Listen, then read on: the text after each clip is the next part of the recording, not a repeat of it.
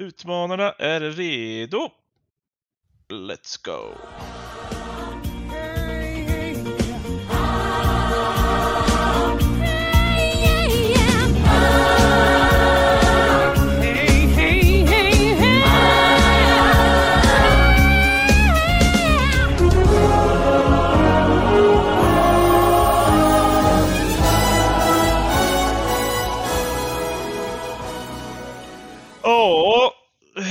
Välkomna tillbaka. Avsnitt 165 har vi ju faktiskt. Eh, helt otroligt eh, vad mycket vi har pratat i den här podden. Eh, jag har varit med, eh, kan väl tänka mig att jag var med på 60 av dem i alla fall. Vilket jag är ganska stolt över. Kanske till och med mer. Och med mig har jag ju eh, paret. Eh, det ogifta paret. Mikael och Adam. Som eh, har suttit här nästan varenda podd. Micke har väl varit med kan jag tänka mig, på alla 165. Kanske missat någon, men äh, jävligt starkt alltså. Hur mår du idag Micke? Um, ja, helt okej. Okay. Lite småsjuk så här. Ja, men kanske 160 har jag varit med på. Ja, jag har missat ja, lite mer tror jag till och med. Det är säkert någon ja. lyssnare som vet mer. Ja, det här, ha, Hoppas har ni koll, jag. vill har ni, har ni koll på det så får ni jättegärna skriva där, för det är en så här statistisk sak för våran podd så vore det kul att bara veta. Eh, Adam då, du är tillbaka, du fick lyssna på oss förra veckan när vi hade Kalle på besök. Eh, mm. hur, hur mår du? Jag mår bra, jag är inte sjuk. Inte Nej. än i alla fall. Uh... Höj dig då, kom igen nu. kom att tänka på nu när du sa par där att det är många som måste bli besvikna när de möter jag och Mikael när du bygger upp ett par, då tänker man så här, nu, nu dyker Kevin Phillips och Nile Quinn upp. Eller John Karev och Gabriel Agbonlahor. Crouch Defoe. Ja. Ja, vad hette Downing Afonso Alves var väl ett ganska bra par i, i Middlesbrough den säsongen. Ja, men det är lite trist för att Downing spelar ju mycket vänsterytter. Och det ja, men jag, jag, jag, jag, tänker de var ändå ett radarpar för att Downing slog alla inlägg och Afonso Alves gjorde alla mål. Uh, lite så. Ja, just det. Ja, det är fint med par. Det känns som det finns i omsättning. Det finns, det finns många man, man glömmer bort också. Ja. Uh, Ganska dystert annars om man tar det ur kontext att säga att det är fint med par och att det finns i omsättning. ja, men just eh, par och sen finns det trios och så här, men par det, det är lite finare. Det är lite, som du sa, Crouch och Defoe. York det, och Cole. York och Cole, ja. Ja, herregud. Och sen har vi de här utanför planen som inte nödvändigtvis gjorde det på planen, men Park Ji-Sung och Patrice Evra. Det är klart man, man inte mådde dåligt när man såg den bromansen. Nej, Evra skötte allt snack och Park nickade bara och log. Han var fnissa. ja, jag tror Evra mådde ganska bra i den relationen ändå. Han fick ju prata och Park bara höll med, eller känns inte så. Ja, men Patrice Evra är världens jävla clown i omklädningsrummet och vissa ja. börjar tröttna på han. Men Park Ji-Sung slutar aldrig fnissa. Så där hade han, hade han någon, en jävla polare. Ja, det är ganska fint ändå. Eh, men jag, jag håller med dig, jag gillar par. Uh, själv sitter jag ekade lite mer med mig idag så är det för att jag sitter i ett tomt jävla rum. Det enda jag har kvar här inne är uh, uppsättningen för att kunna spela in och använda dator och sådär. Har du äntligen flyttat till Simonstorp? Nej, men det hade varit ganska coolt i och för sig. Men där ute, finns det ens internet där? Det är en bra fråga. Var har du flyttat då? Till Norrköping igen? Ja, jag flyttade till andra sidan stan. Gjorde jag. Mm till en lägenhet på 14 våningen, en etagelägenhet. Fint ska det vara. Pengarna rullar in. Ja, Fy fan nu. Eh, Först byter man jobb, sen flyttar man. Vad kommer härnäst? Byter du podd också eller? Dyker upp i någon ny podd här. Ja, det går ju alldeles för bra ekonomiskt för podden. Talk det är därför man har råd med sin etagelägenhet. Ja, vi, vi är så ekonomiskt drivna i den här podden. pratade om det precis innan också. Att vi eh, att vi lägger ut pengar. Men det, det gör vi. 14 våningen Jonas, vad är det för nytt jobb du fick? Var det verkligen eh, inom brandtjänster eller är det någon sån säkerhetschef i Hongkong? eller, vad är det för jävla lön du sitter Någon annan langningen håller på med. Ja, det, det här är saker vi inte ska prata om öppet Adam. Det, det är hemlighetsmakeri. Nej, men fan. Det, det, det, det är en jävla lägenhet och sambon är krävande när det gäller storlek. Har du också Oj. en krävande sambo? Det ja, det var, det var inget nytt va? Det, det är inte bara jag som, lyssnarna kommer också reagera, men ni reagerar inte. Men skitsamma. Vad? Sambon är krävande när det gäller storlek. Ja, men fan. Ja, det där får stå för dig Mikael. Ja, Det står- kan inte vara bara jag, det är alla står- reagerar. Det är bara ni som inte reagerar på den. men Jag det står lovar. för singel i det här rummet. eh, Kan man, ju, kan man ju lätt säga. Om Ja, du fortfarande är singel, det vet jag inte. Men eh, du har ju nej, jag vet varit nyligen i alla fall. Det är inget vi har diskuterat. Nej, det är det inte. Och inget vi ska på. diskutera heller. Välkommen till relationspodden. Eh, Raspodden. Relation and... s- Sexpodd. Ja, tänkte jag också, men jag sa inte det. Nej, eh, jag vet inte, men Nej, nu eh, släpper vi det. Ja, jag tänker också det. Och eh, vi sa precis innan här att vi, eh, vi hoppar igång med det, det mörka ifrån veckan som var och eh, så kanske vi kommer in på lite mer ljusare vartefter då. Eh, och det mörka som var var väl ändå det som hände i torsdags eh, kväll. Jag stod även då mellan typ 700 eh, flyttlådor och tittade på den här matchen. Eh, och fick ju se eh, ett av de kanske största magplasken eh, på länge. Ehm, och då har vi ändå matchen som inte ska nämnas i, i, i lite för färskt minne. Men, men alltså United när de har förlorat i år, de förlorar ju verkligen. Hur, alltså, hur, hur kommer det sig i allt det här liksom? Var, var, var, var, fastnar vi liksom? Var, var, vad händer när United går ner sig så mycket som man, när man förlorar, då förlorar man fan rejält alltså. Jag tycker allt som oftast är det liksom eh, motståndare som utmanar oss med en hög press och eh, en bra press. För vi såg en hög press från Everton som inte var särskilt bra och vi, vi käkade upp dem till slut. Men nu mot Sevilla, liksom, jag bara landar i det.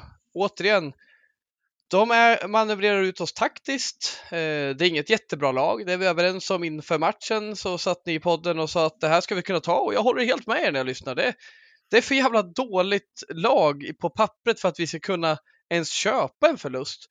Men vi gör ett magplats som du säger Jonas. De sätter en hög och kvalitativ press och vi har jättesvårt att hantera den. Och så har det varit tidigare den här säsongen med. Eh, vi kommer in på till exempel det här målet, eller för 1-0 målet där vi spelar bort oss, där de Gea och Maguire banar väg för en tråkig afton. Så känner jag att det, det hände liknande när vi gjorde ett magplats mot Brentford. I den Mm. matchen hade vi en väldigt eh, dåligt komponerat mittfält med Fred och Eriksen. Det här var i, i höstas då. Mm. Nu, Den här nu har matchen vi... är inte så olik faktiskt. Nej, och, även då liksom tjackar de upp oss i pressen och det är samma där Mm. Brentford, spelare för spelare, långt ifrån lika bra som oss. Men att jag landar i det och det var även i Brighton som vi kommer till sen. Vi har så svårt, och vi har pratat om det på podden till, vi har så svårt med hög press. Men det är inte bara hög press, det är lag som är taktiskt skickliga och det är ju Sevilla onekligen. Sen har de inte en höjd, de har sina problem, men de visste precis hur de skulle utmana oss och de nyttjade våra svagheter och jag tror till och med vi kan vara med om det mot Aston Villa nu igen i helgen. Men det Mm. kan vi prata om då. Men det vi kommer till, återigen, din fråga, vad är det som sticker ut? Jo, men det är att vi har svårt att klara här pressen och jag, jag tänkte skriva det som en av mina tankar i efter Brighton när jag eh, vikarierade för Olle där. Jag tog bort den tanken för den blev inte så aktuell. Det kom flera aktuella frågor, men att jag landar så ofta i att vi har för dåliga passningsspelare. Mm. Jag har pratat om det tidigare, Mikael pratade om det tidigare i podden. Och jag, jag nämner dem återigen. Martinez, Shaw och eh, vad heter det, Eriksen. Det är våra tre bästa passningsspelare. Det är de tre jag tycker är tillräckligt bra passningsspelare för att klara idén vi försöker spela med. Och vi är överens där om att allt som oftast följer vi den här idén om att vi vill ha kontroll, att vi vill spela från backlinjen. Och det nyttjar många. Men allt som oftast saknar vi någon av de här resurserna. Så allt som oftast då har vi bara två bra Mm. passningsspelare i ett lag som ska vilja ha kontroll. Har inte alltid kontroll, men envisas ofta om att spela från backlinjen. Sen är det värt att nämna där att du säger att Eriksen är en bra passningsspelare och det håller jag med om.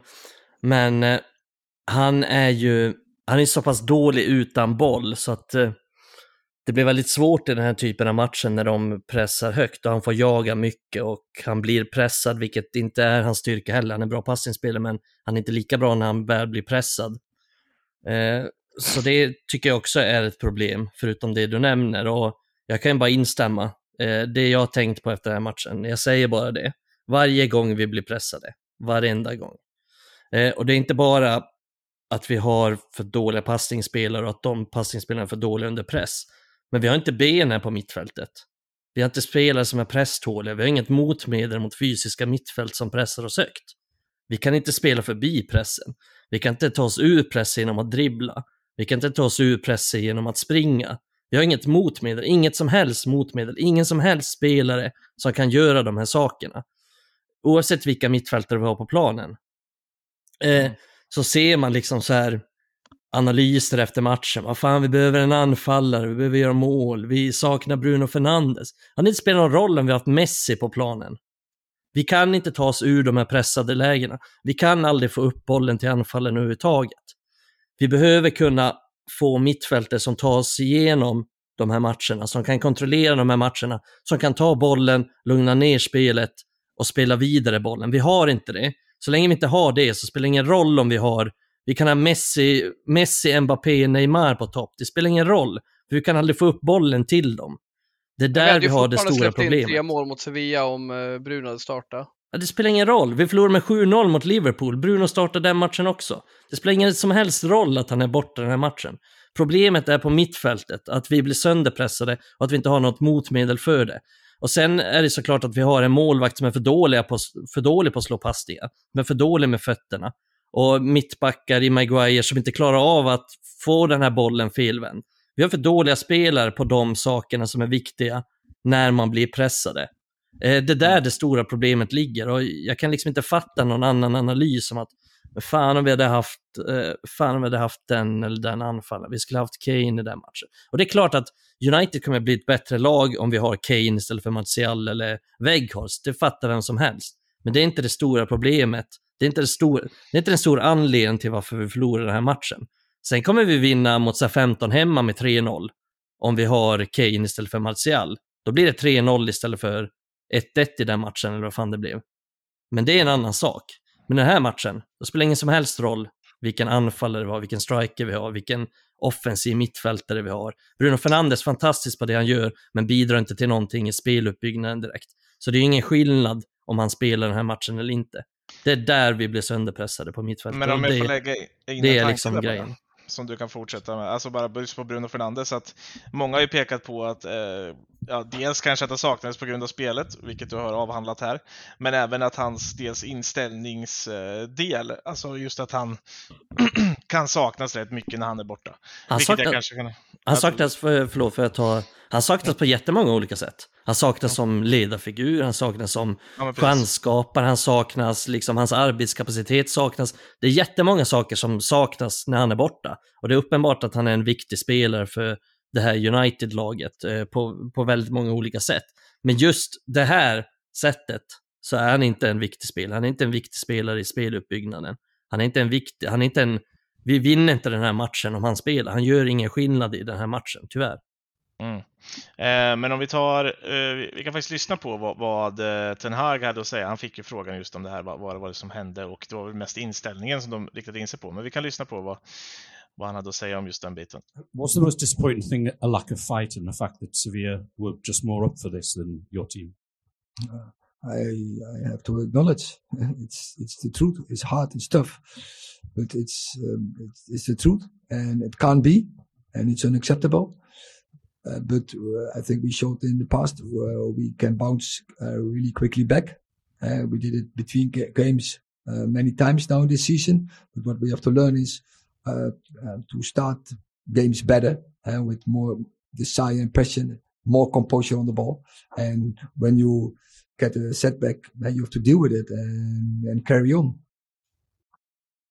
Och där har vi ju lite av det ni pratar om, tycker jag. Alltså just det här. Men han säger det är liksom kanske femte eller sjätte gången jag hör honom säga just det här, eh, att det är unacceptable. Mm. Men, men, hur kan det då hända sjätte, sjunde gången?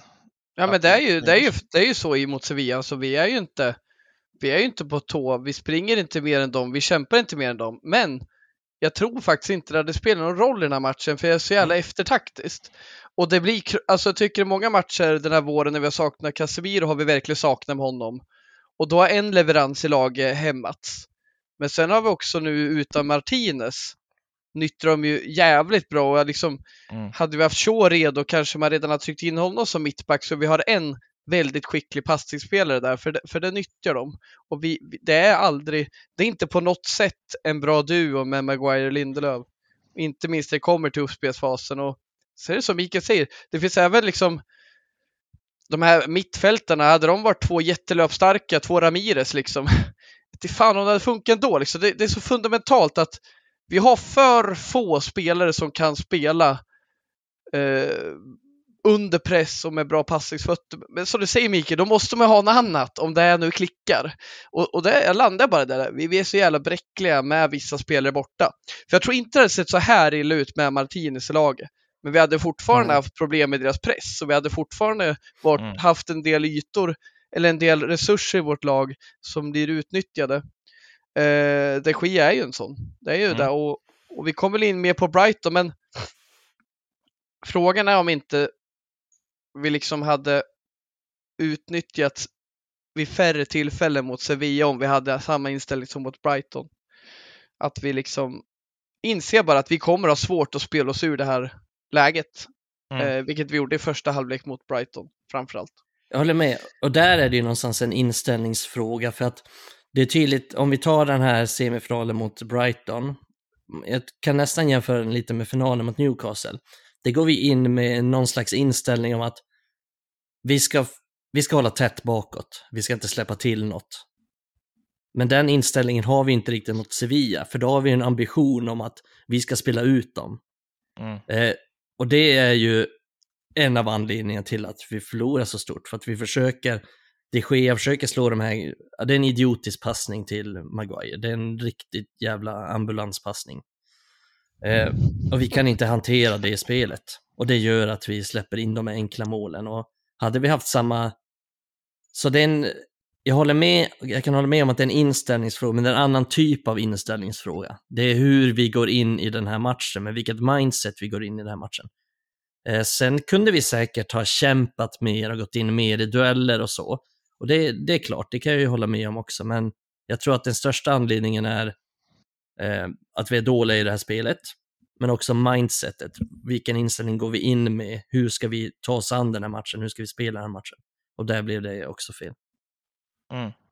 Eh, Men om vi flyttar över på mannen då som vi har nämnt ett par gånger här i, i David de Gia. Han, han är ju ganska aktuell nu på, på många olika sätt. Dels matchen mot Sevilla, men han har ett utgående kontrakt. Eh, du eh, tweetade om honom under matchen där Mikael, där du skrev någonting i stil med att United är en oseriös klubb om de förlänger med de Gia. Och eh, eh, innan du får svara på eller förklara dig där så, så, så kan vi lyssna bara på vad för att jag tycker det är lite intressant vad Ten Hag säger om, om just de Gea när han får frågan om det här. I know it's easy to focus on David De Gea, but the man of some of the goals he conceded and the fact he's in talks for a new contract, can you say with complete clarity that he is a long-term goalkeeper that you want going forward? Uh, he's the one with the most clean sheets in the Premier League, so that shows he's a, a very capable ke- goalkeeper. Han svarar ju alltså inte på någonting utav det här. Utan han säger att han är capable goalkeeper Uh, och uh, ja, så. Men, men fortsätt mycket på, på de Gia. Vad utvecklar det där som du skrev på Twitter?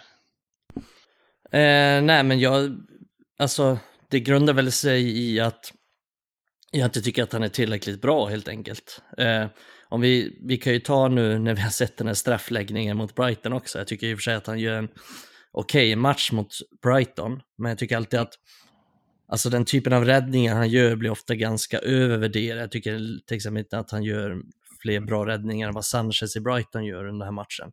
Och jag tror att folk stirrar sig blint ofta på räddningar som han kanske kanske borde ha gjort i normala fall också, men jag kollar på den här straffstatistiken som han har. Han har alltså räddat två av de 54 senaste straffarna. 3,7 procent. En normal målvakt ligger på ungefär 17 procent. Eh, men det, det må vara hänt, liksom. det må vara hänt att han är en usel straffmålvakt. Det är inte, det är liksom inte det viktigaste en målvakt ska vara bra på, tänker jag. Mm. Eh, Så kollar jag lite annan statistik. Jag kollar så här sweeper actions, alltså antal gånger liksom han kommer ut ur straffområdet genom att rädda kanske en långboll som kommer. Eh, Där ligger han sist i ligan, 20 plats av alla målvakter i Premier League. Eh, sen kollar jag på så här expected goals, liksom, skott han får på sig som han förväntas rädda. Ligger han åtta i ligan, alltså en medioker målvakt. Eh, sen kollar jag på passningsprocent, ligger han 12 i ligan, alltså under medel. Eh, så egentligen, och jag tror att han ligger i botten också väldigt så här high claims, alltså där han plockar ner inlägg. Eh, Så egentligen kan man säga att han är i snitt under medel i nästan all statistik som finns. Eh, Och han är den bäst betalda målvakten i ligan och han är under medel i Premier League. Jag vet att folk tycker att han är en så pass bra skottstoppare och så vidare. Och så vidare. Men det finns ingen statistik som backar upp att han är det överhuvudtaget. Eh, eh, Så jag tycker helt enkelt att, att han är för dålig på de här viktiga sakerna som han behöver vara bra på. Jag tycker inte han räddar upp det genom att han vara till exempel en bra skottstoppare. Men jag tycker det viktigaste är eh, för en målvakt numera, jag tycker ändå att, ja, men ta majoriteten av målvakter i Premier League, de är ändå bra liksom, på att rädda bollar. Det, det skiljer inte så himla mycket mellan, mellan alla målvakter där. Det är klart att några är lite bättre än andra, men men i det stora hela så är det viktigt att man har en proaktiv målvakt som kan komma, och, kan komma ut och fånga bollar. Eh, jag är helt övertygad om att anledningen till att United är så dåliga på egna fasta är det sker en anledning till, att han aldrig lämnar linjen, att han aldrig kommer ut och plockar de bollarna. Eh, så man behöver en målvakt som kan komma ut och plocka dem, man behöver en målvakt som kan komma ut och rädda den här typen av, av ehm, liksom långbollar som kommer, som, alltså avstyra eventuella frilägen. Eh, vilket gör att man som, alltså som lag kan man stå högre upp och känna sig trygg med att stå högre upp. Just nu står United ganska lågt med sin backlinje generellt. Och det är helt övertygad om, det gör man för att man har de Gea som inte är så bra på de här sakerna. Eh, sen är han väldigt dålig med fötterna. Jag vet inte hur många mål han har orsakat den här säsongen genom att slå en korkad passning. Jag vet inte hur många mål han hade kunnat orsakat genom att slå en korkad passning, men sen som motståndarna har fuckat upp på ett eller annat sätt. Men det är otaliga dåliga passningar som har gjort att eh, vi har släppt in flera mål och det såg vi senast mot Sevilla. Eh, och det har vi sett flera gånger i ligan och andra turneringar, bara den här säsongen men även förra och tidigare säsonger också. Men jag tycker det har blivit ännu mer synligt den här säsongen när, det, när Ten Hag har krävt att han, eh, att han ska göra den typen av passningar och, och det kan han inte.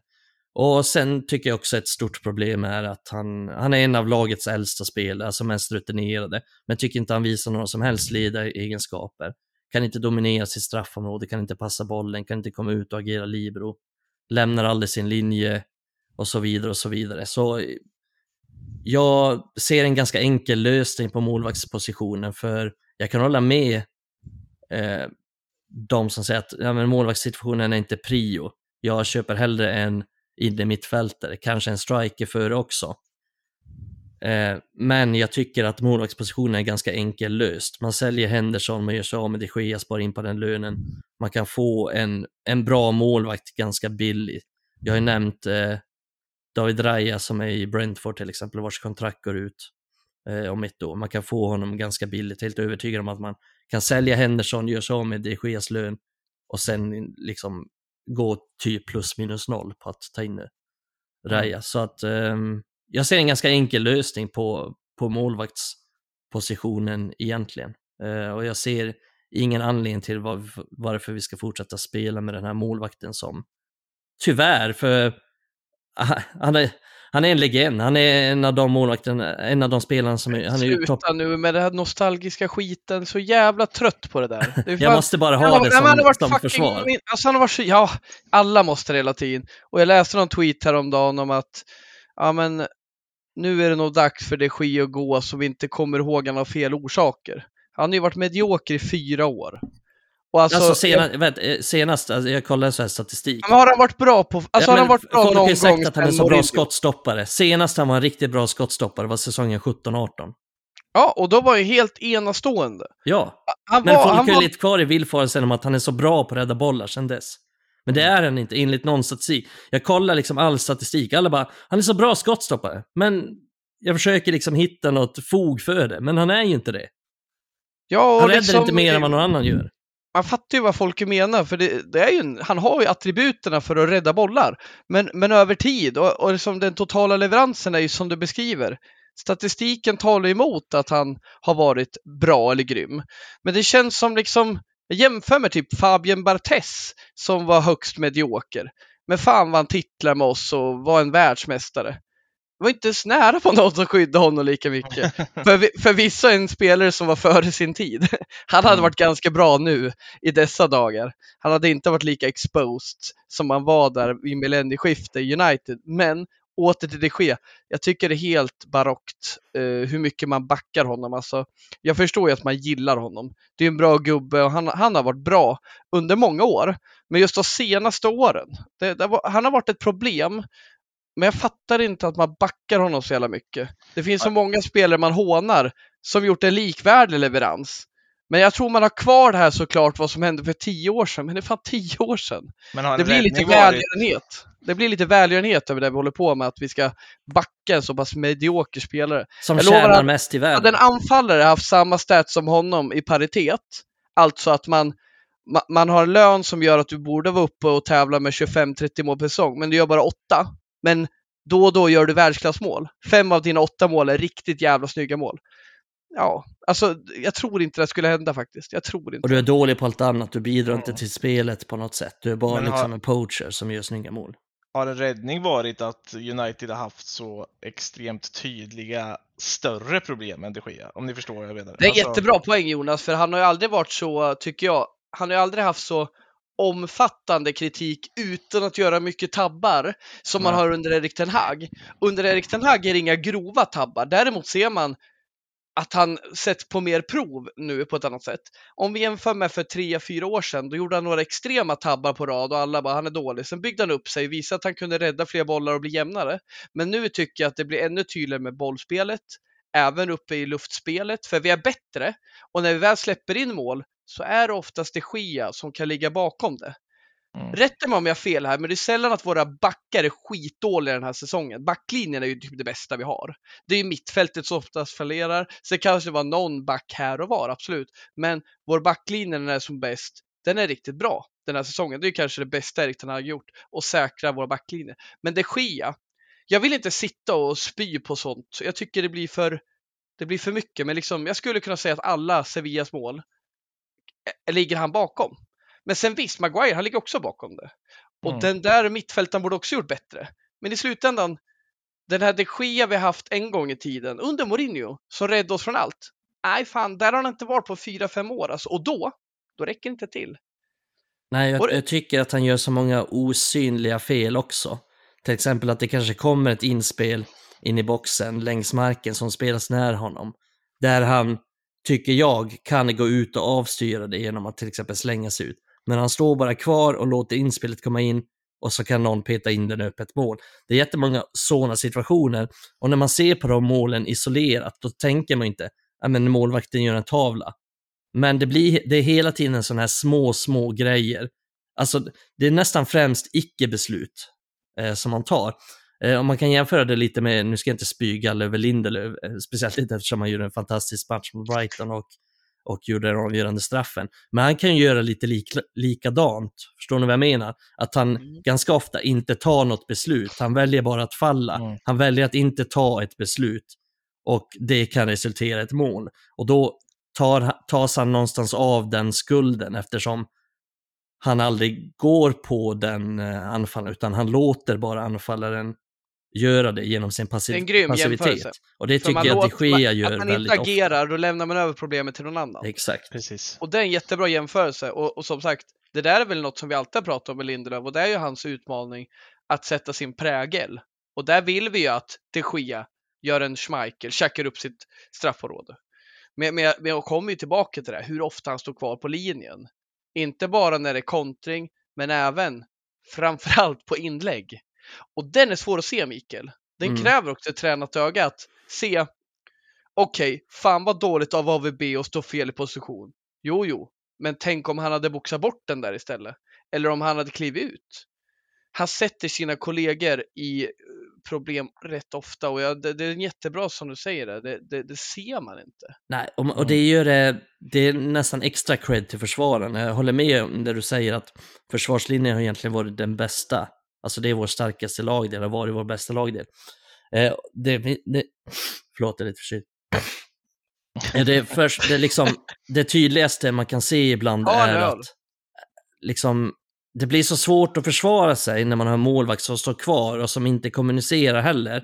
För när det kommer bollar, liksom, det är det svåraste som finns som försvarare, när det kommer bollar över backlinjen och man måste springa felvänd eller till och med ibland liksom så springa bakåt och nicka bort den och man har inte riktigt koll på vad som finns bakom, vem som kommer där, var målvakten är och så vidare. Eh, Så det är jättesvåra situationer. Eh, sen vill jag också komma tillbaka till en sak med det sker, just det här hörnmålet vi släpper in mot Sevilla. Eh, jag tycker han ofta släpper in märkliga typer av mål, alltså den typen av mål där man bara det är någonting som är off här, varför räddar han inte den bollen liksom? Mm. Men det är jättesvårt att förklara varför. Sen tycker jag att han kan göra, sen har han ju svinbra reflexer så han kan göra monsterräddningar ibland. Eh, så jag har nästan lite känslan av att ibland så räddar han bollar som är helt jävla omöjliga. Och sen släpper han snarare in hyfsat enkla mål som de flesta målvakter tar. Så han är, han är nästan lite tvärtom i, det, i den aspekten och det kan ju göra också, tror jag, att folk ser de här superräddningarna som man kan göra ibland eh, som lite extra speciella och att han räddar laget. Men det är ju, men som jag sa, det finns ju ingenting som egentligen backar upp det utan han, han är ingen särskilt bra eh, skottstoppare längre. Han räddar inte särskilt många mål. Eh, Ingen bra stoppskottare, eller vad var det vi sa för länge sedan? Ja, Eh, stoppskottare. Ja.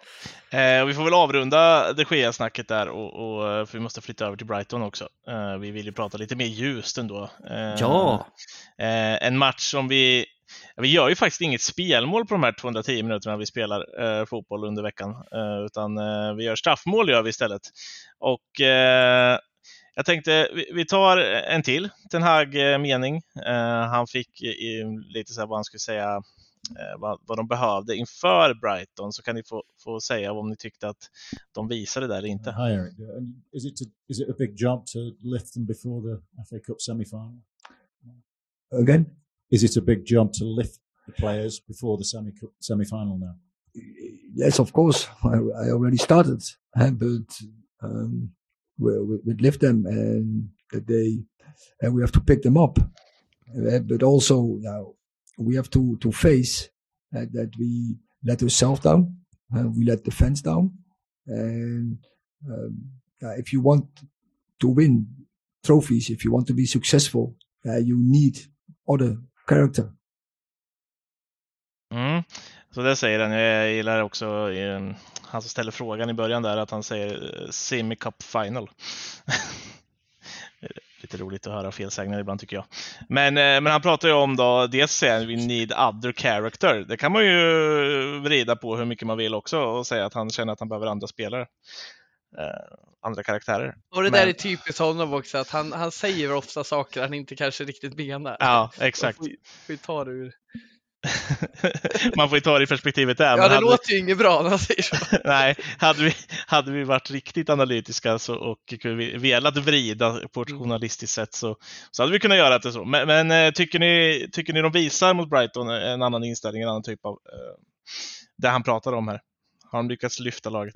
Ja, Men jag tycker han, alltså United, jag var ju lite inne på det med Sevilla, jag tycker United visar en noggrannhet, att United går in med den här inställningen om att vi kanske inte kommer dominera den här matchen. Vårt Mm. fokus är att stoppa Brighton, medan inställningen mot Sevilla snarare var lite, ja men rätt eller fel, men lite kaxigt att vi ska spela ut Sevilla, vi ska komma hit och vinna den här matchen och vi ska spela kort, vi ska spela genom vår backlinje och genom vår målvakt och vi ska bygga upp anfall och dominera den här matchen.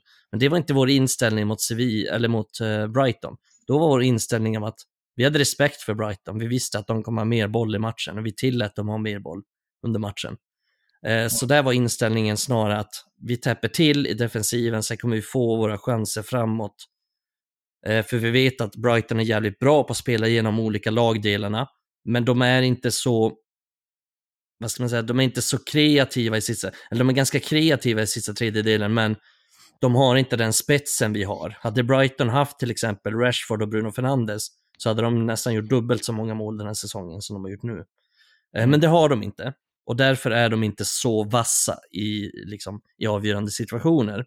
För de har liksom Danny Welbeck på topp i den här matchen. Eh, så det är anledningen tror jag. Vi tillät dem att ha en del boll och vi tillät dem att komma i ganska farliga situationer eller farliga ytor, men ändå känna att vi har ganska bra kontroll på det. Eh, Så det tror jag var inställningen och tanken och därför tror jag också att, att inställningen var lite bättre. Men sen tror jag också att spelarna kände att men dels fick vi den här förlusten mot Sevilla, men också att det är en större match för de här spelarna. Att spela den här FA Cup-semifinalen på Wembley än det var att spela den här Europa League-kvartsfinalen i, i Sevilla. Mm. Eh, Adam, har något att tillägga? Nej, men jag, jag, jag känner väl liksom att eh, det, det är som Mikael säger, de var inte vassa i, i sista tredjedelen och jag känner att de var fantastiskt duktiga på att klara vår första press. Mm. Där eh, såg jag förvisso statistik på att vi hade vi var det laget som hade vunnit flest eh, höga pressningar eh, denna säsong mot Brighton. Och Brighton är ju ett av Europas bästa lag på att spela från backlinjen, så det var ju kul att läsa.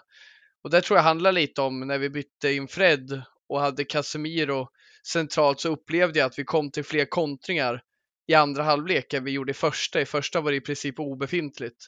Och det lilla vi fick, det tappade vi bort ganska snart. Men vi, vi, vi skapade ju lite farligheter i andra som, som ändå hade kunnat leda till något farligt Mm. med, med lite slutprodukt. Men, men sen ändå Mikael, alltså.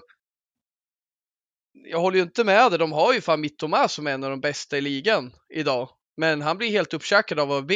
Så kvalitet har de ju där, men vi såg det ju inte för AVB käkade ju upp honom. Alltså Just- det är helt sjukt, vi glömmer det. Alltså, Mm. Men jag köper typ som March till höger, det är ingen bra anfallare. Och liksom där hade de nu kunnat haft någon som utmanar lite mer kanske.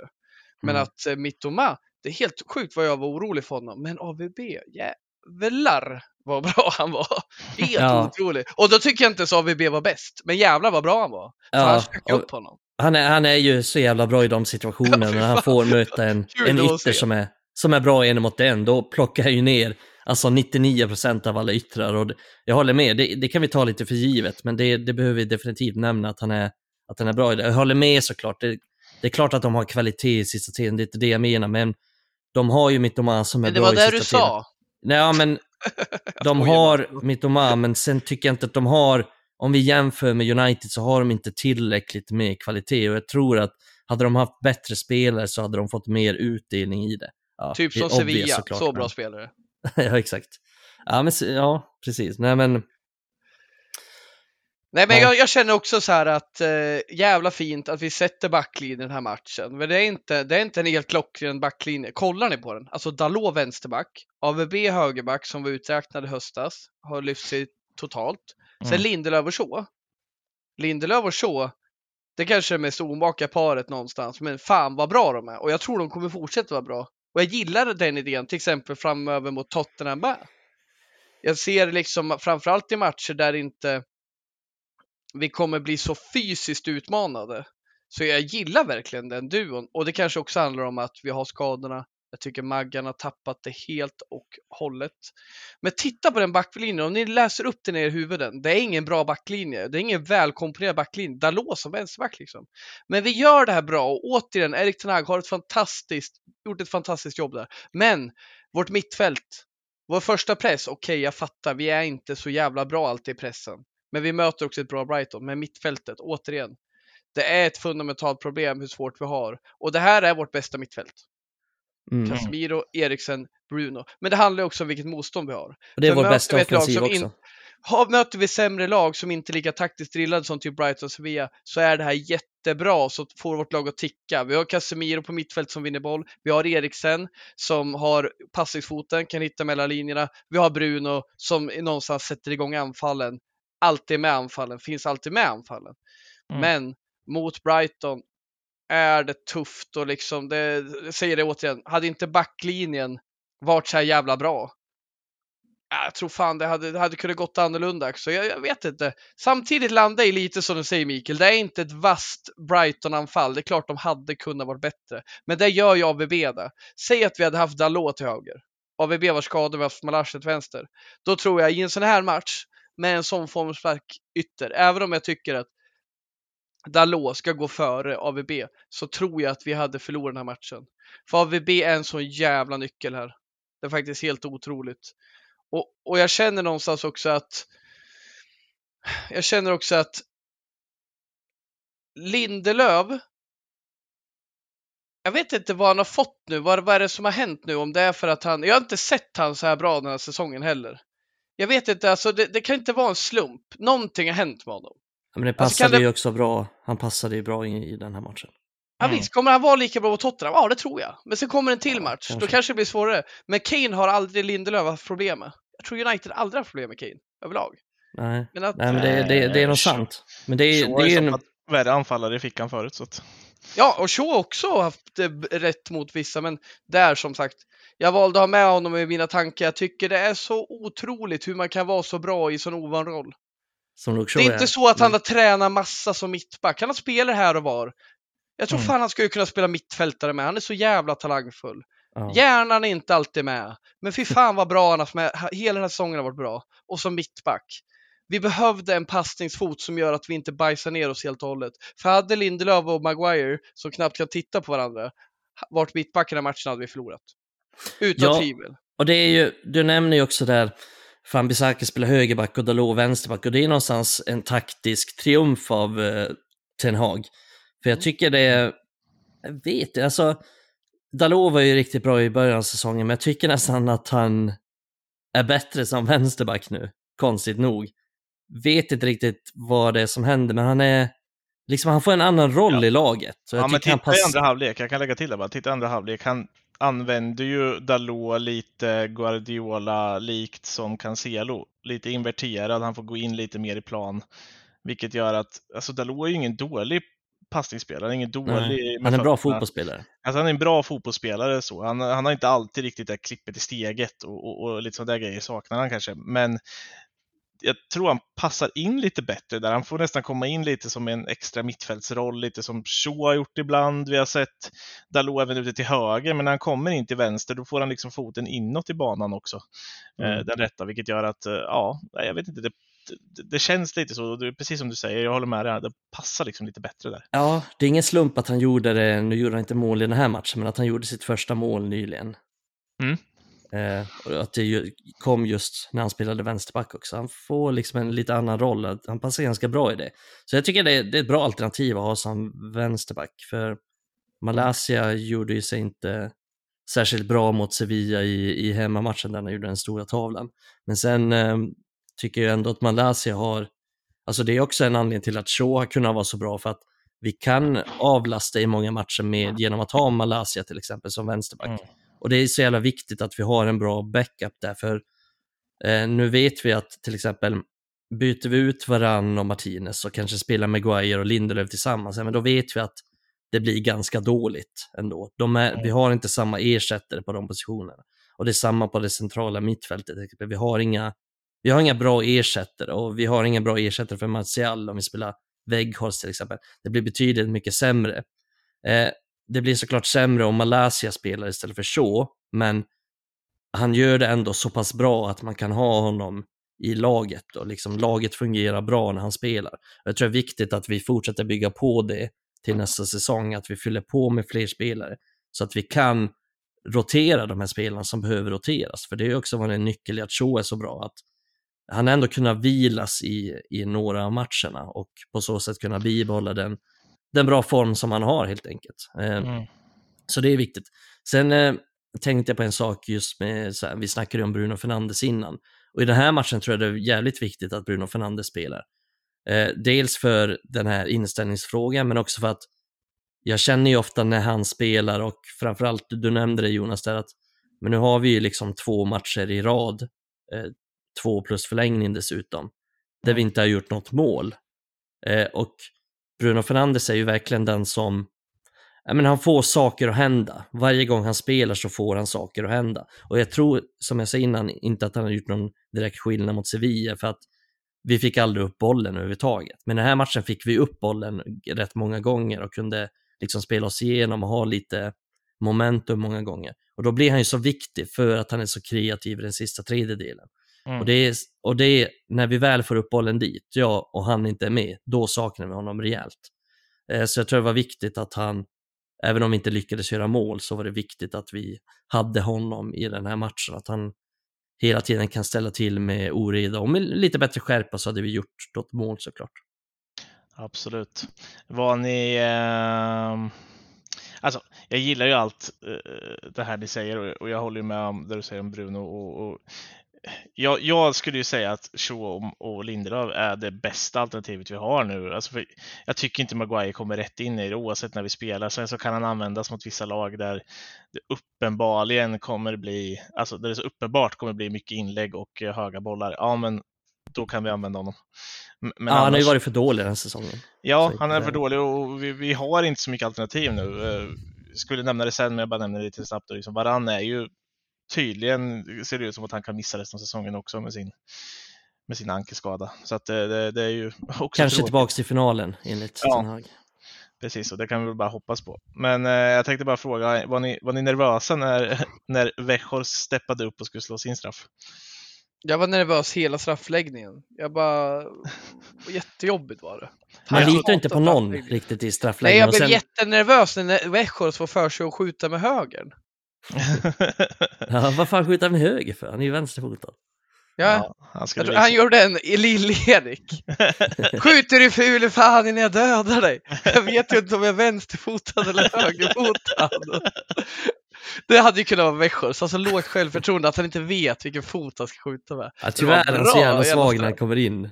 Ja, men men så eh, han satte straffen så cred. Cred för det. Sen var man ju, sen är det ju... Slog vi en enda dålig straff förutom Sabitzer då? Han, han var litet här, han, var hans hela ansiktsuttryck där. Han var han gjorde tillräckligt dem hård i alla fall.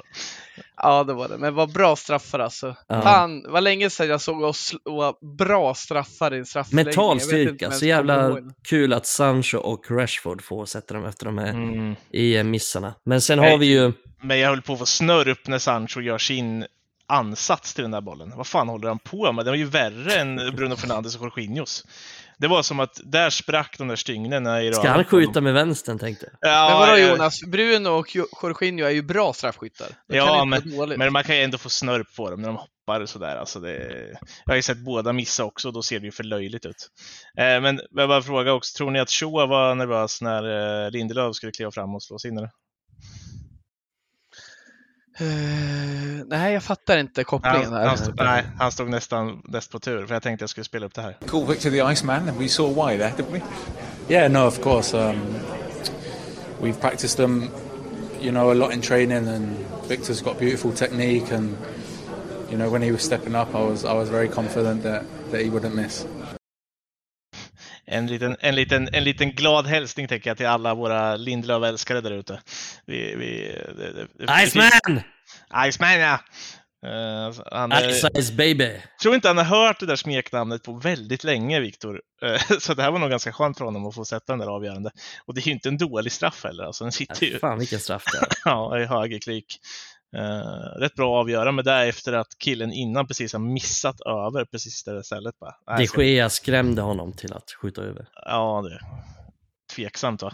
Jag tycker han ser så tafatt ut i Gea på straffarna så det är äckligt. Men 2 av 54! 2 av 54 straffar. ja. Uh, nej, men vi, Sinnessjukt! vi, vi, eh, vi, vi ska ju alltså vidare till final sen den, den sjätte. Ja, Adam. fråga. Mm. Adam. Jag och fem försökte komma på något roligt med Solly March, men jag kom inte på något. Jag tänkte om bollen landar på Mars. Den var svag. Boll på Mars. Is there life on Mars? Som David Bowie sjöng. Ja, eller hur? ja, de sitter och planerar sina roliga uttryck. Det, det, det är bra att veta. Jag Han är inte med alls. Han bara, jag försöker komma på något roligt. Nej, Eh, men eh, vad, vad, frågar de? Om eh, det sker straffprocent? Två av är 54. legitim? 2 för fan. 54. Men få inte mig att komma igång med honom igen. Jag är så trött på det där. Jag tycker vi har pratat tillräckligt i Skia. Vi kan Ja, slänga... Okej, okej, vi släpper det. Vi kan... 2 54. Jag, jag har tänkt på det där dock, vill inte dra ner något med Lindelöf-hypen, för, för det ska han ha. Han gjorde en supermatch, han avgör. Men visst är det jävligt anmärkningsvärt att det alltid blir som grej när man gör sista straffen, fast det egentligen inte spelar någon roll, för det är en del i spelet. Mm. Dra ner glädjen lite nu i det här. Jag tänker att eh, Sanchos straff var fan minst lika viktig. Men honom Mm. gillar vi att pissa på i allmänheten. Vi hittar gärna lägen att eh, hylla Lindelöf, men det ska vi göra idag. Han gör en supermatch, men jag tycker vi kan hålla isär det. Grym Ja. match Lindelöf. Men så är det så här, nej, han tar straffen, då är han bästa spelaren. Nej, jag tycker Luke Shaw var bäst. En annan spelare gärna kritiserar. Men eh, Lindelöf, Båda de var fantastiska. Vi Sen kan- är det där, nu har inte jag, det, har jag inte med det här som ett klipp, men, men Shaw säger att han hade ju hellre tagit en av de fem första straffarna, eller en av de tre första tror jag han säger, för att då, då finns det ändå tid att rädda upp det efteråt. Luke Eh. Är en säker straffskytt. Ja, det får vi inte veta, eller inte än på ett tag i alla fall. Men eh, han känns som jävligt lugn. Det känns som att han gör något uttryck heller ifall han skulle missat. Han är bara tillslag. Ja, det, det är sant. Också Eh, vänsterfotad. och nu ska vi ju alltså, nu går vi ju vidare. Vi ska spela en, en match till på Wembley, en final till. Och, ehm, vi har ju pratat lite om ehm, vad vi, United prioriterar och vad vi tycker att de ska prioritera och vad som borde vara så. Vi får lite svar av Ten Hag här faktiskt. Dave. Um, you've now played Manchester City in the first all Manchester Cup final. You've beaten them already this season. How confident are you you can do so again and potentially um, ruin their chance of doing the treble? We have proof. We've proven that we could beat them, but then we have to play the perfect game. I think for me, still, that was the perfect game uh, we, we, we played this season. And but we have to go again. We we know that. But first of all, we have to focus on different occasions, uh, on different uh, games, because we have to be in the top four uh, to get into the Champions League for next season. Och Det där är sa han- stabilt. Är det inte lite Dr. Alban över Erik Ten Hag? han, är, Jävla engelska. han är den flintskalliga vita Dr. Alban. Ja, det, det roligt. is best. Ja, ball is best. Men eh, i alla fall, får du ursäkta det dåliga ljudet där i början av klippet, men eh, det kan inte jag göra så mycket åt. Utan det, Jag trodde du igång, drog igång en hårfön i bakgrunden. det är lite presskonferensen eh, som får... får eh, Ten Hags hårfön. Mm. Mm. Den har inte varit igång sedan 1952. Eh, fem, vad sa du? 2 av 54. Eh, och... Eh, och fast nu tappar jag bort mig helt. Men, men i alla fall, han säger ju här är att vi ska... Två av vara- 54.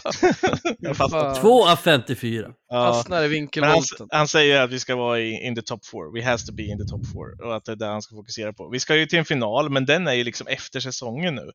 Eh, dels att vi tar oss dit, hur mycket betyder det för mentaliteten för, för laget och att liksom nu kunna fokusera bara på Premier League i resten av eh, det här som är kvar. Liksom. Eh, hur viktigt kan det vara bara, tänker jag, som en, som en aspekt i det hela?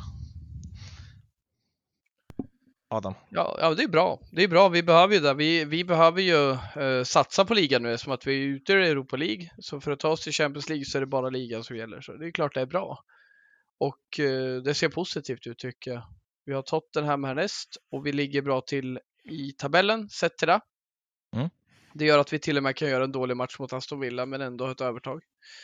Och kunna ta oss eh, till Champions League. Så. det är klart det är bra. Och jag förstår ju din fråga för vi har haft det jävligt tight. Och jag gillar ju det här att vi ska satsa på många fronter. Och eh, jag väl inte varit lika orolig som många andra i ligan. Men, men såklart det såg ju dåligt där ute ett tag. När vi fick jättemycket stryk av Newcastle. Och det var mycket skadedrabbat och sådär. Mm. Men, men eh, det känns jävligt tryggt. Vi kan köra igång ligan nu. Jag tror vi tar oss till Champions League och vi kan satsa på att försöka vinna vår andra titel. Ja, två titlar och en... eh, Två titlar och en topp fyra plats Det är en klart godkänd säsong. Ja, det går svårt att säga att den skulle vara dålig i alla fall. Eh, jag känner mig spontant. Nej, men det, det känns väl... Någonstans så är det såklart för jävligt att åka ur Europa League, speciellt när Alltså vi har satsat så mycket på det, vi liksom tog ut oss totalt i matcherna mot Barcelona, vi har tagit vi har fan spelat 16 days final och så åker man ut mot Sevilla. Det känns så jävla onödigt på ett sätt, men det är ingenting att göra åt det nu, men det känns, Känns det ändå... verkligen för jävligt Mikael? Är Jo. inte det en del av vår leverans att vi ska liksom utvecklas? Det är en utvecklingsresa där. Känns det för jävligt att Nej, åker jävla Europa League? snack om utvecklingsresa. Det Det är för jävligt första att förlora säsong matchen. under Erik Ten Hag.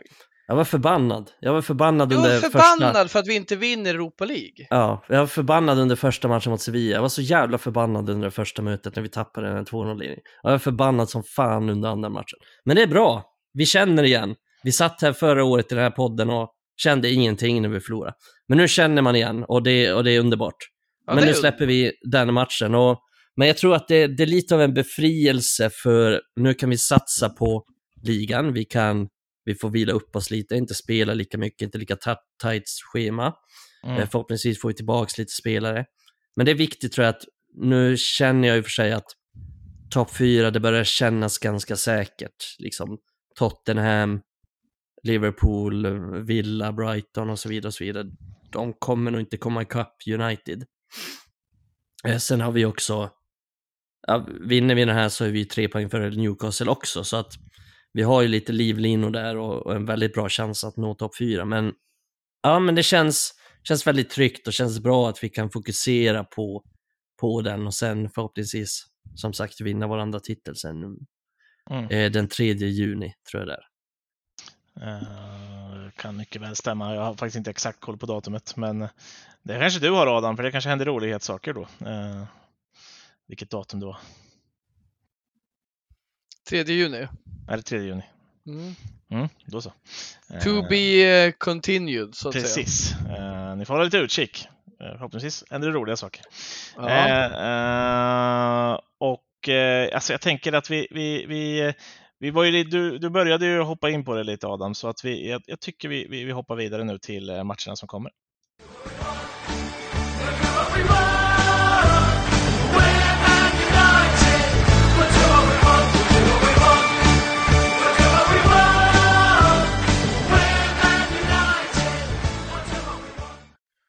Och, eh, Ryan ja, Mason, Ryan Mason, Ryan Mason, Ryan. Så hörde ni att Gargamel hade fått sparken från Tottenham eller? Stellini. Helt jävla sparkad han. Kortaste sessionen i världen. Vad är det konstigt in kommer- efter den rumpkörningen de fick av Newcastle? Nej, det är det inte. Men Snälla Daniel kan du ha den Levy erkänner att det är hans ansvar. Christian Stellini kom in i en tuff tid och nu skickar han åt helvete. In kommer nästa underpresterande tränare, Ryan Mason. Ja, det, Ryan knows the club and the players well. ja, det, That's enough for me. Frank Rampard knows the club. He knows the stadium. ja, Det är det I'm- sjukaste med Frank I'm Lampard. Going knows back the to stadium. bed now. Yours truly, Daniel Levy. Kois. Ja, det är roligt.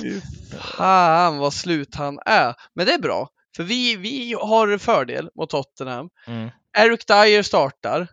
Eh, Ryan Mason känner honom väl. Eh, bra. kan de ha samma backlinje? Kan vi hoppas på det? Ja, Men snälla, ha samma backlinje. Fy fan, jag tänkte när de bara ställde upp mot Newcastle med den backlinjen som de hade, alltså jag tänkte bara, ja, det finns inte en chans att de vinner den här matchen. Nej, det, det började ju inte Så så står bra. det 5-0 efter 20, alltså det är... Var det 3-0 Sånt jävla efter haveri. Ja, det var, det var bland det sjukaste jag sett. Det var fan värre än United. Uh, ja, prata om den där jävla matchen. Den onämnbara matchen. Mm, precis. Mm. Det här var, Ja, det var det. det var sinnessjukt. För att, det- alltså United var ändå med i en halvlek där och var bra i en halvlek. United var ju bra i jämförelse med Ja. Eh, riktigt, riktigt sjukt. Men, men alltså, eh, det, man trodde ju inte man skulle sitta här inför den här veckan och säga att eh, ja, den lätta matchen i veckan, det är Spurs. Eh, Nej. eh, eh, för att sen så väntar ett Villa som tydligen har hittat någon form av superdoping och gjort Ollie Watkins till ligans nya Marcus Rashford i, i, i typ av form. Medan Tottenham typ inte har någon i form. Men, men om ni slår ihop båda de här matcherna, hur fan ska vi ta oss an det här då? Bra fråga. Uh, nej men fullbumpa mot uh, Tottenham känner jag. Vi måste ju, det är en viktig match att vinna. Jobbig match att förlora. Så mm. det är bara fullt ös där och sen, sen mot Aston Villa, där tror jag liksom, vi har hemmaplan. Även om de är bra så tror jag vi kan få ett kryss om vi har en dassig match. För de tycker jag är riktigt bra. Jag tycker de är taktiskt bra också under Emery som är en duktig taktisk tränare. Men, men Tottenham, fullbumpa. Eh, leker vi med tanken att jag är rådgivare till eh, The Bald One så hade jag sagt vila spelare då mot Aston Villa om du nu måste det. Men kör fullt ös mot Tottenham. Det, det är liksom vi ska, vi ska köra på dem nu medan de är sårade. Och ja. där är de nu. Och det Sen lite inget... synd ju att Ryan Mason kommer in nu. Det kan ändå ge någonting. För de var helt under isens linje. Men Se, vi ska Ser han ut som någon som motiverar dem till att... Ja, han bara polarn Eric Dyer. Polarn Harry, Harry. Helt plötsligt står Harry Redknapp där med finger under näsan och funderar. men fan vad fint om det var så. Ja, men det Nej, finns men... väl inget att spara på. Det är väl bara, liksom, vi ska ut och, vi ska ut och kötta sönder dem. Ja, alltså, jag... Det var en av säsongens bästa insatser hemma mot Tottenham. Ja, men jag tänker på förra säsongen också. Du gjorde ja, väl lite fan samma vad bra vi var då. Uh... Fred var som ett jävla vilddjur i den matchen. Ja. Jag tycker... Ja. Jag är inte det är jag som tycker att Fred har fått spela för lite på sistone.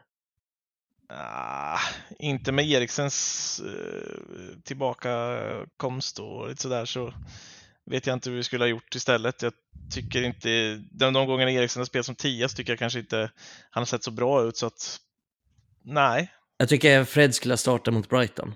Där kan jag däremot tycka, absolut. Ja, det Där. håller jag med om. Och, och, det är ju utifrån den taktiken de har, så det hade varit det hade jag köpt också. Så jag tyckte jag förvisso det var, det var en riktigt bra elva vi stod, ställde mot Brighton, men sett till taktiskt så Fred hade ju passat mer in i den matchbilden vi, vi intog. Mm. Men mot Tottenham då? Ja, då vill jag ha Eriksen. Ja, mm. för att jag tror att vi kommer äga mer boll mot Tottenham. De kommer... Men kanske Fred också? Ja, jag tror inte deras press kommer vara lika farlig. Ja, absolut. Uh, Mikael, nu, nu snackar vi att vi skulle ha både Fred, Casemiro och Eriksen, eller? Mm. Och Bruno på kanten istället? Ja, kanske. Mm, ja, ja det, det, skulle väl kunna vara ett alternativ. Jag vill absolut ha Fred mot Aston Villa, för jag tror att Aston Villa kommer pressa oss rätt högt och jag tror vi kommer få mm. agera lite mer som, som, mot, eh, som mot Brighton. Att vi kommer behöva backa hem lite och försöka vinna boll på rätt ställen och ställa om. Uh, för det är lite så det känns som det har sett ut för Villa nu. De, är, de pressar också ett högt och har boll ganska många gånger högt upp och då kan det vara bra att ha Fred där istället för Eriksson. Uh, ja kan... men absolut, absolut. Det är alltså Ja men jävligt intressanta konstellationer man kan ställa upp nu också. Sabitzer tycker jag var ju fan med bra mot Sevilla borta, men sen har det fan inte varit bra sen dess. Så... Sevilla hemma menar du? Sevilla hemma menar jag, precis. Förlåt. Uh, Sevilla var borta. Men ja, jag, jag vet inte, inte riktigt inte om jag vill få in han nu. Jag tyckte det såg bra ut, men jag vill inte få in han nu för det han har kommit in med. Det är fan inte samma energi som han hade hemma mot Sevilla. Nej. Kan ju inte bara ha energi på hemmaplan liksom. Så, så, men, men vår centrala del är inte problemet längre. Nu har vi flyttat problemen till backlinjen istället. Nu är det där vi har alla skador. Mm. Ja, oh, herregud. och Martial också, men jag var förvånad att han kom tillbaka nu mot... Uh, Sjukt förvånad att han startade. Det var inte likt honom. Men det är också nu, på tal om skador, så det har ju stått här lite rykten om att Bruno, det var lite värre än man kanske trodde när han klev av. Det kan vara att han haltar ut ur arenan nu senast mm. mot uh, han Janne Malmbergs lag. Alltså det, de, de trycker väl in, in något riktigt. Ja, men han kan ju inte bli skadad. Nej, det spelar för fan ingen roll hur mycket de sparkar på Han blir ju aldrig skadad och även om han har haltat, han har ju haltat av förut och så står han där ändå lik förbannat nästa match och springer lika mycket. Jag tror fan de behöver bryta benet på honom för att han ska vara borta. Oh. Kanske de installerar ett form av protes istället. Eh, så får han fortsätta springa vilket fall som helst. Eh, nej men alltså. Han skulle gå med på det. Jag, jag vill verkligen inte se Maguire i någon av de här matcherna. Uh, Nej, det känns nej. inte så. Lindelöf och så förtjänar ju att fortsätta, så det är inget, det är inget mer med det. Liksom. Nej, uh, och Men Och då kan vi de ha kommer få Dalot s- till vänster och vi kan ha VB mot ett kontrande Tottenham. Det är Men de inte kommer hela få det världen för mig. svårt mot Ollie Watkins. Känns som Mm, Lindelöf har svårt mot honom. det är möjligt, men, men Maguire hade haft lika svårt alltså. Jag tänkte säga det, jag tror fan Maggan kan till och med ha ännu svårare. de, de kör en anfallare i Villa och den kan Shaw försöka hålla sig. Men det är klart att av, eller Watkins kommer försöka få upp Lindelöf i ryggen så kommer lite halvdant. Och det gör han bra Watkins. Du har en poäng där Mikael. Han kommer kunna göra det svårt för Lindelöf. Men jag tror inte att Maggan skulle göra det bättre, tyvärr. Vi Ja, kanske bara sp- spelar Usch. tre, tre backar då. Lord Shaw kör ensam så blir det inga krusiduller. Så, sånt där önskar man ju mer från Erik Ten Hag ändå. Ing- Alltså så här, jag har inte mycket mer önskan från honom. Jag tycker han gör bra ifrån sig i många avseenden. Men just, jag skulle ju någonstans vilja se att han bara trycker in en trebackslinje ibland och bara käkar upp någon eh, taktiskt från början. Hade vi haft Mm. Martinez hade han kunnat köra ensam. Ja, Mhm. Eh, kanske inte i luften mot Kane då. Uh, där tror jag han hade Ah. fått, fått det svårt i... ensam mittback Pissa på Martinez. Kane. ja, Kane vågar inte ens komma ut på planen till andra halvlek. så länge bollen är Nej. på backen tror jag Och så gör sjunger vi i kör. Har någon sett till Harry Kane? Det var år sedan vi var små. Där sjunger Ryan Mason på sidan.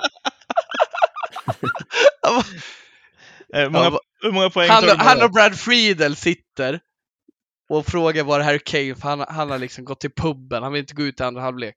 De har förlorat med 5-0 igen. Brad 5-0 Friedel i. Spurs. Ja, han är ju där. Han är ju, han är ju eh, någon eh, målvaktstränare tror jag. Ja, det borde det rimligt. rimligtvis vara. Skallige jäveln. Han gjorde många kanonmatcher mot United för Aston Villa. Men det gör väl varenda jävla målvakt för fan. Ja, det är helt sjukt. ja, och, i Blackburn, och i Blackburn. Alltså, han var ju jävla bra målvakt, jag pratar för lite om honom. Eh, Bra hår. Alla, alltså det där är någonting som jag startar på att du fick in i huvudet på med eh, Micke, att alla målvakter gör bra matcher mot, eh, mot United. Ja, så är det. det- Tom Heaton. Hatar det. Ja. Lee Grant. Tim Krul. Jack Butland. Sven Andersson. Anders Nej, jag skojar, jag har ingen aning vad jag sa nu. Fabian? Barthez.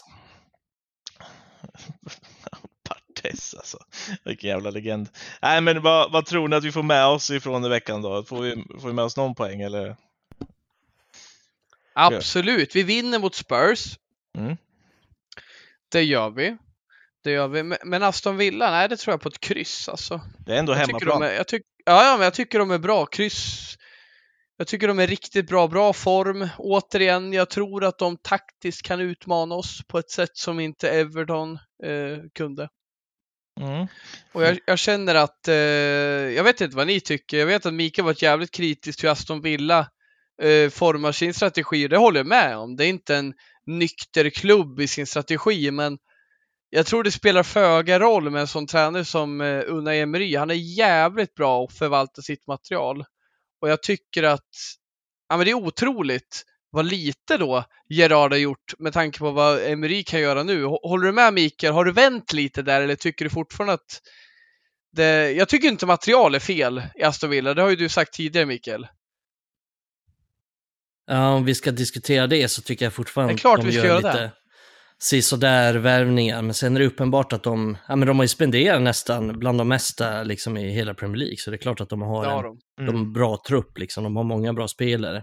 Eh, och det är klart att en så pass bra tränare som, som Emery kommer få ut saker från dem. Sen är ju Gerard typ, alltså Premier Leagues sämsta tränare, det är han och Lampard. som har varit den här säsongen. De är de två sämsta tränarna i hela Premier League. Eh, Garanterat. Men det är typ landslagsspelare på varje position i eh, Aston Villa. ja, ja nej, men de har, de har ganska bra spelare på de flesta positioner. Och Och ganska bra, bredd, ner dem i Championship. ganska bra bredd också. Eh, de har ju en stor och ganska bra trupp, och dyr trupp framförallt. Mm. Och Gerard höll på att skicka dem i Championship. Det är Ja, helt otroligt. han Men han kommer ju få ett nytt bra jobb. Alltså om Bournemouth eller något annat lag får kicka sin tränare i början på nästa säsong.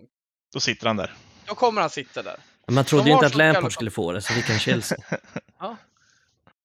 Det är Det är bättre, otroligt. men det är bättre Michael Carrick får det då, om inte Middlesbrough nu tar sig upp. Eh, du, det är väl ändå någon du, du idkar lite mer om, eh, Adam. Lite mer kärlek till i alla fall. Vem då sa du? Carrick. Om nu inte. Middlesbrough fixar att ta sig upp så, så kanske han kan få det jobbet istället. Magisk match ikväll. Eh, nu när vi spelar in så är det ju snart Middlesbrough-Luton. Mm. Det blir lite försmak inför det kommande playoff-spelet. Jag tror det blir dem i playoff-final faktiskt. Och, Eh, inte omöjligt. men nu när vi spelar in så spelar ju också Mikael och mitt, mina lag i Allsvenskan match mot varandra. Eh, Stackare. Sånt som, som händer ibland när vi måste jobba. Om man nu ska säga. Ja. Eh, lite tråkigt nog så leder ju Malmö då. Inte, inte så överraskande med 1-0. Han Eh, kommer inte tappa en poäng den här säsongen. Nej, det Så är det. får, får vi väl se eh, vad vi säger om. Vi inte en allsvensk podd här utan vi är en Premier League-podd. Men, men eh, ja, nu har vi hållit på i ja, en timme, tio minuter någonstans.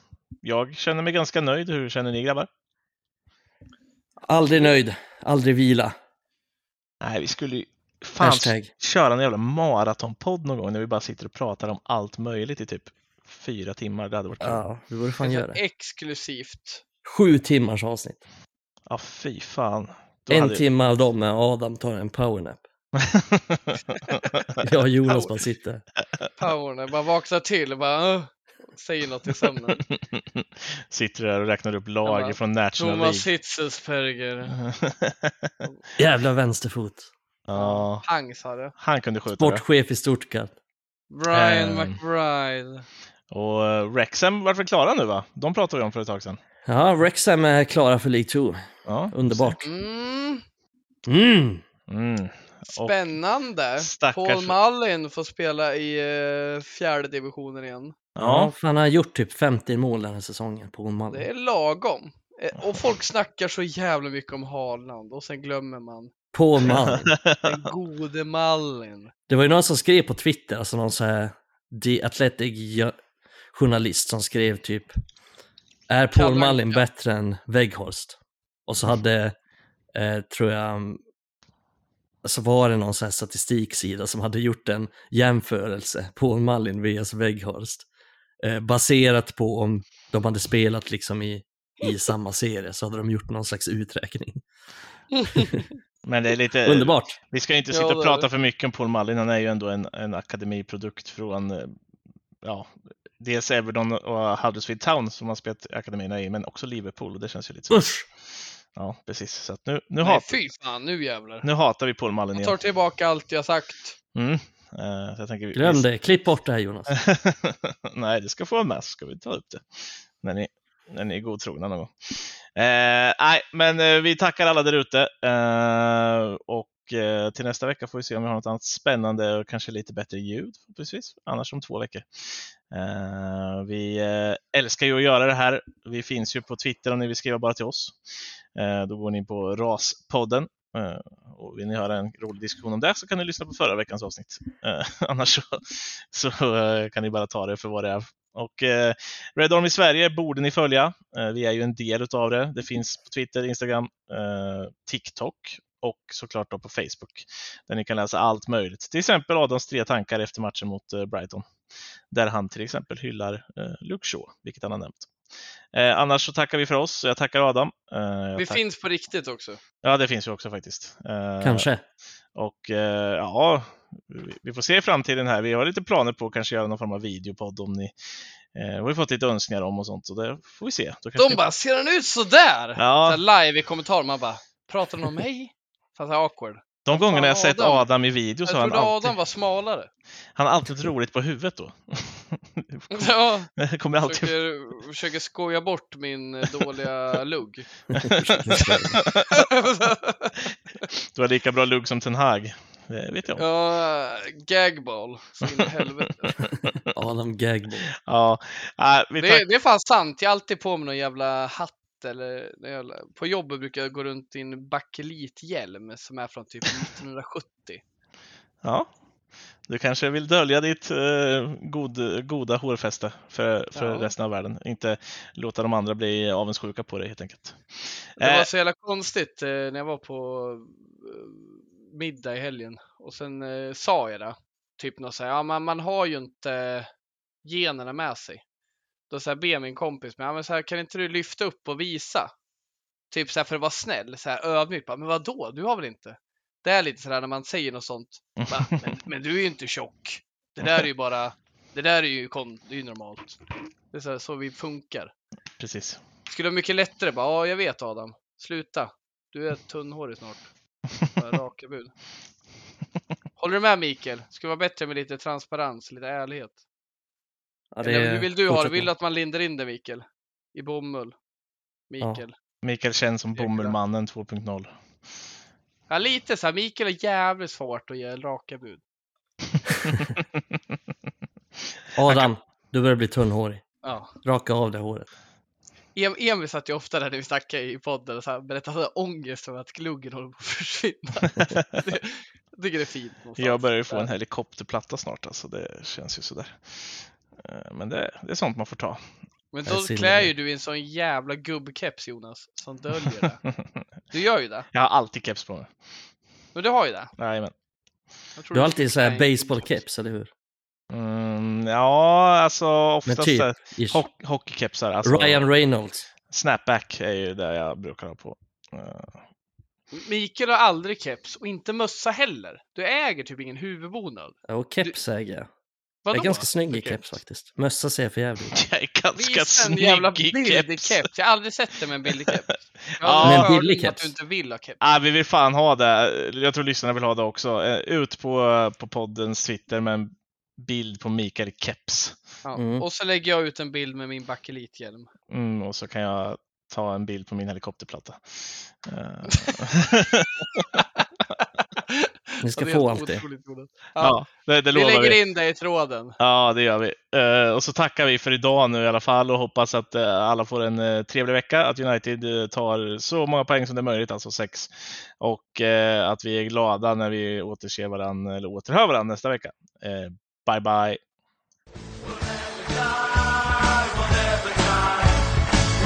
Never die, we never die. Goodbye United, we never die.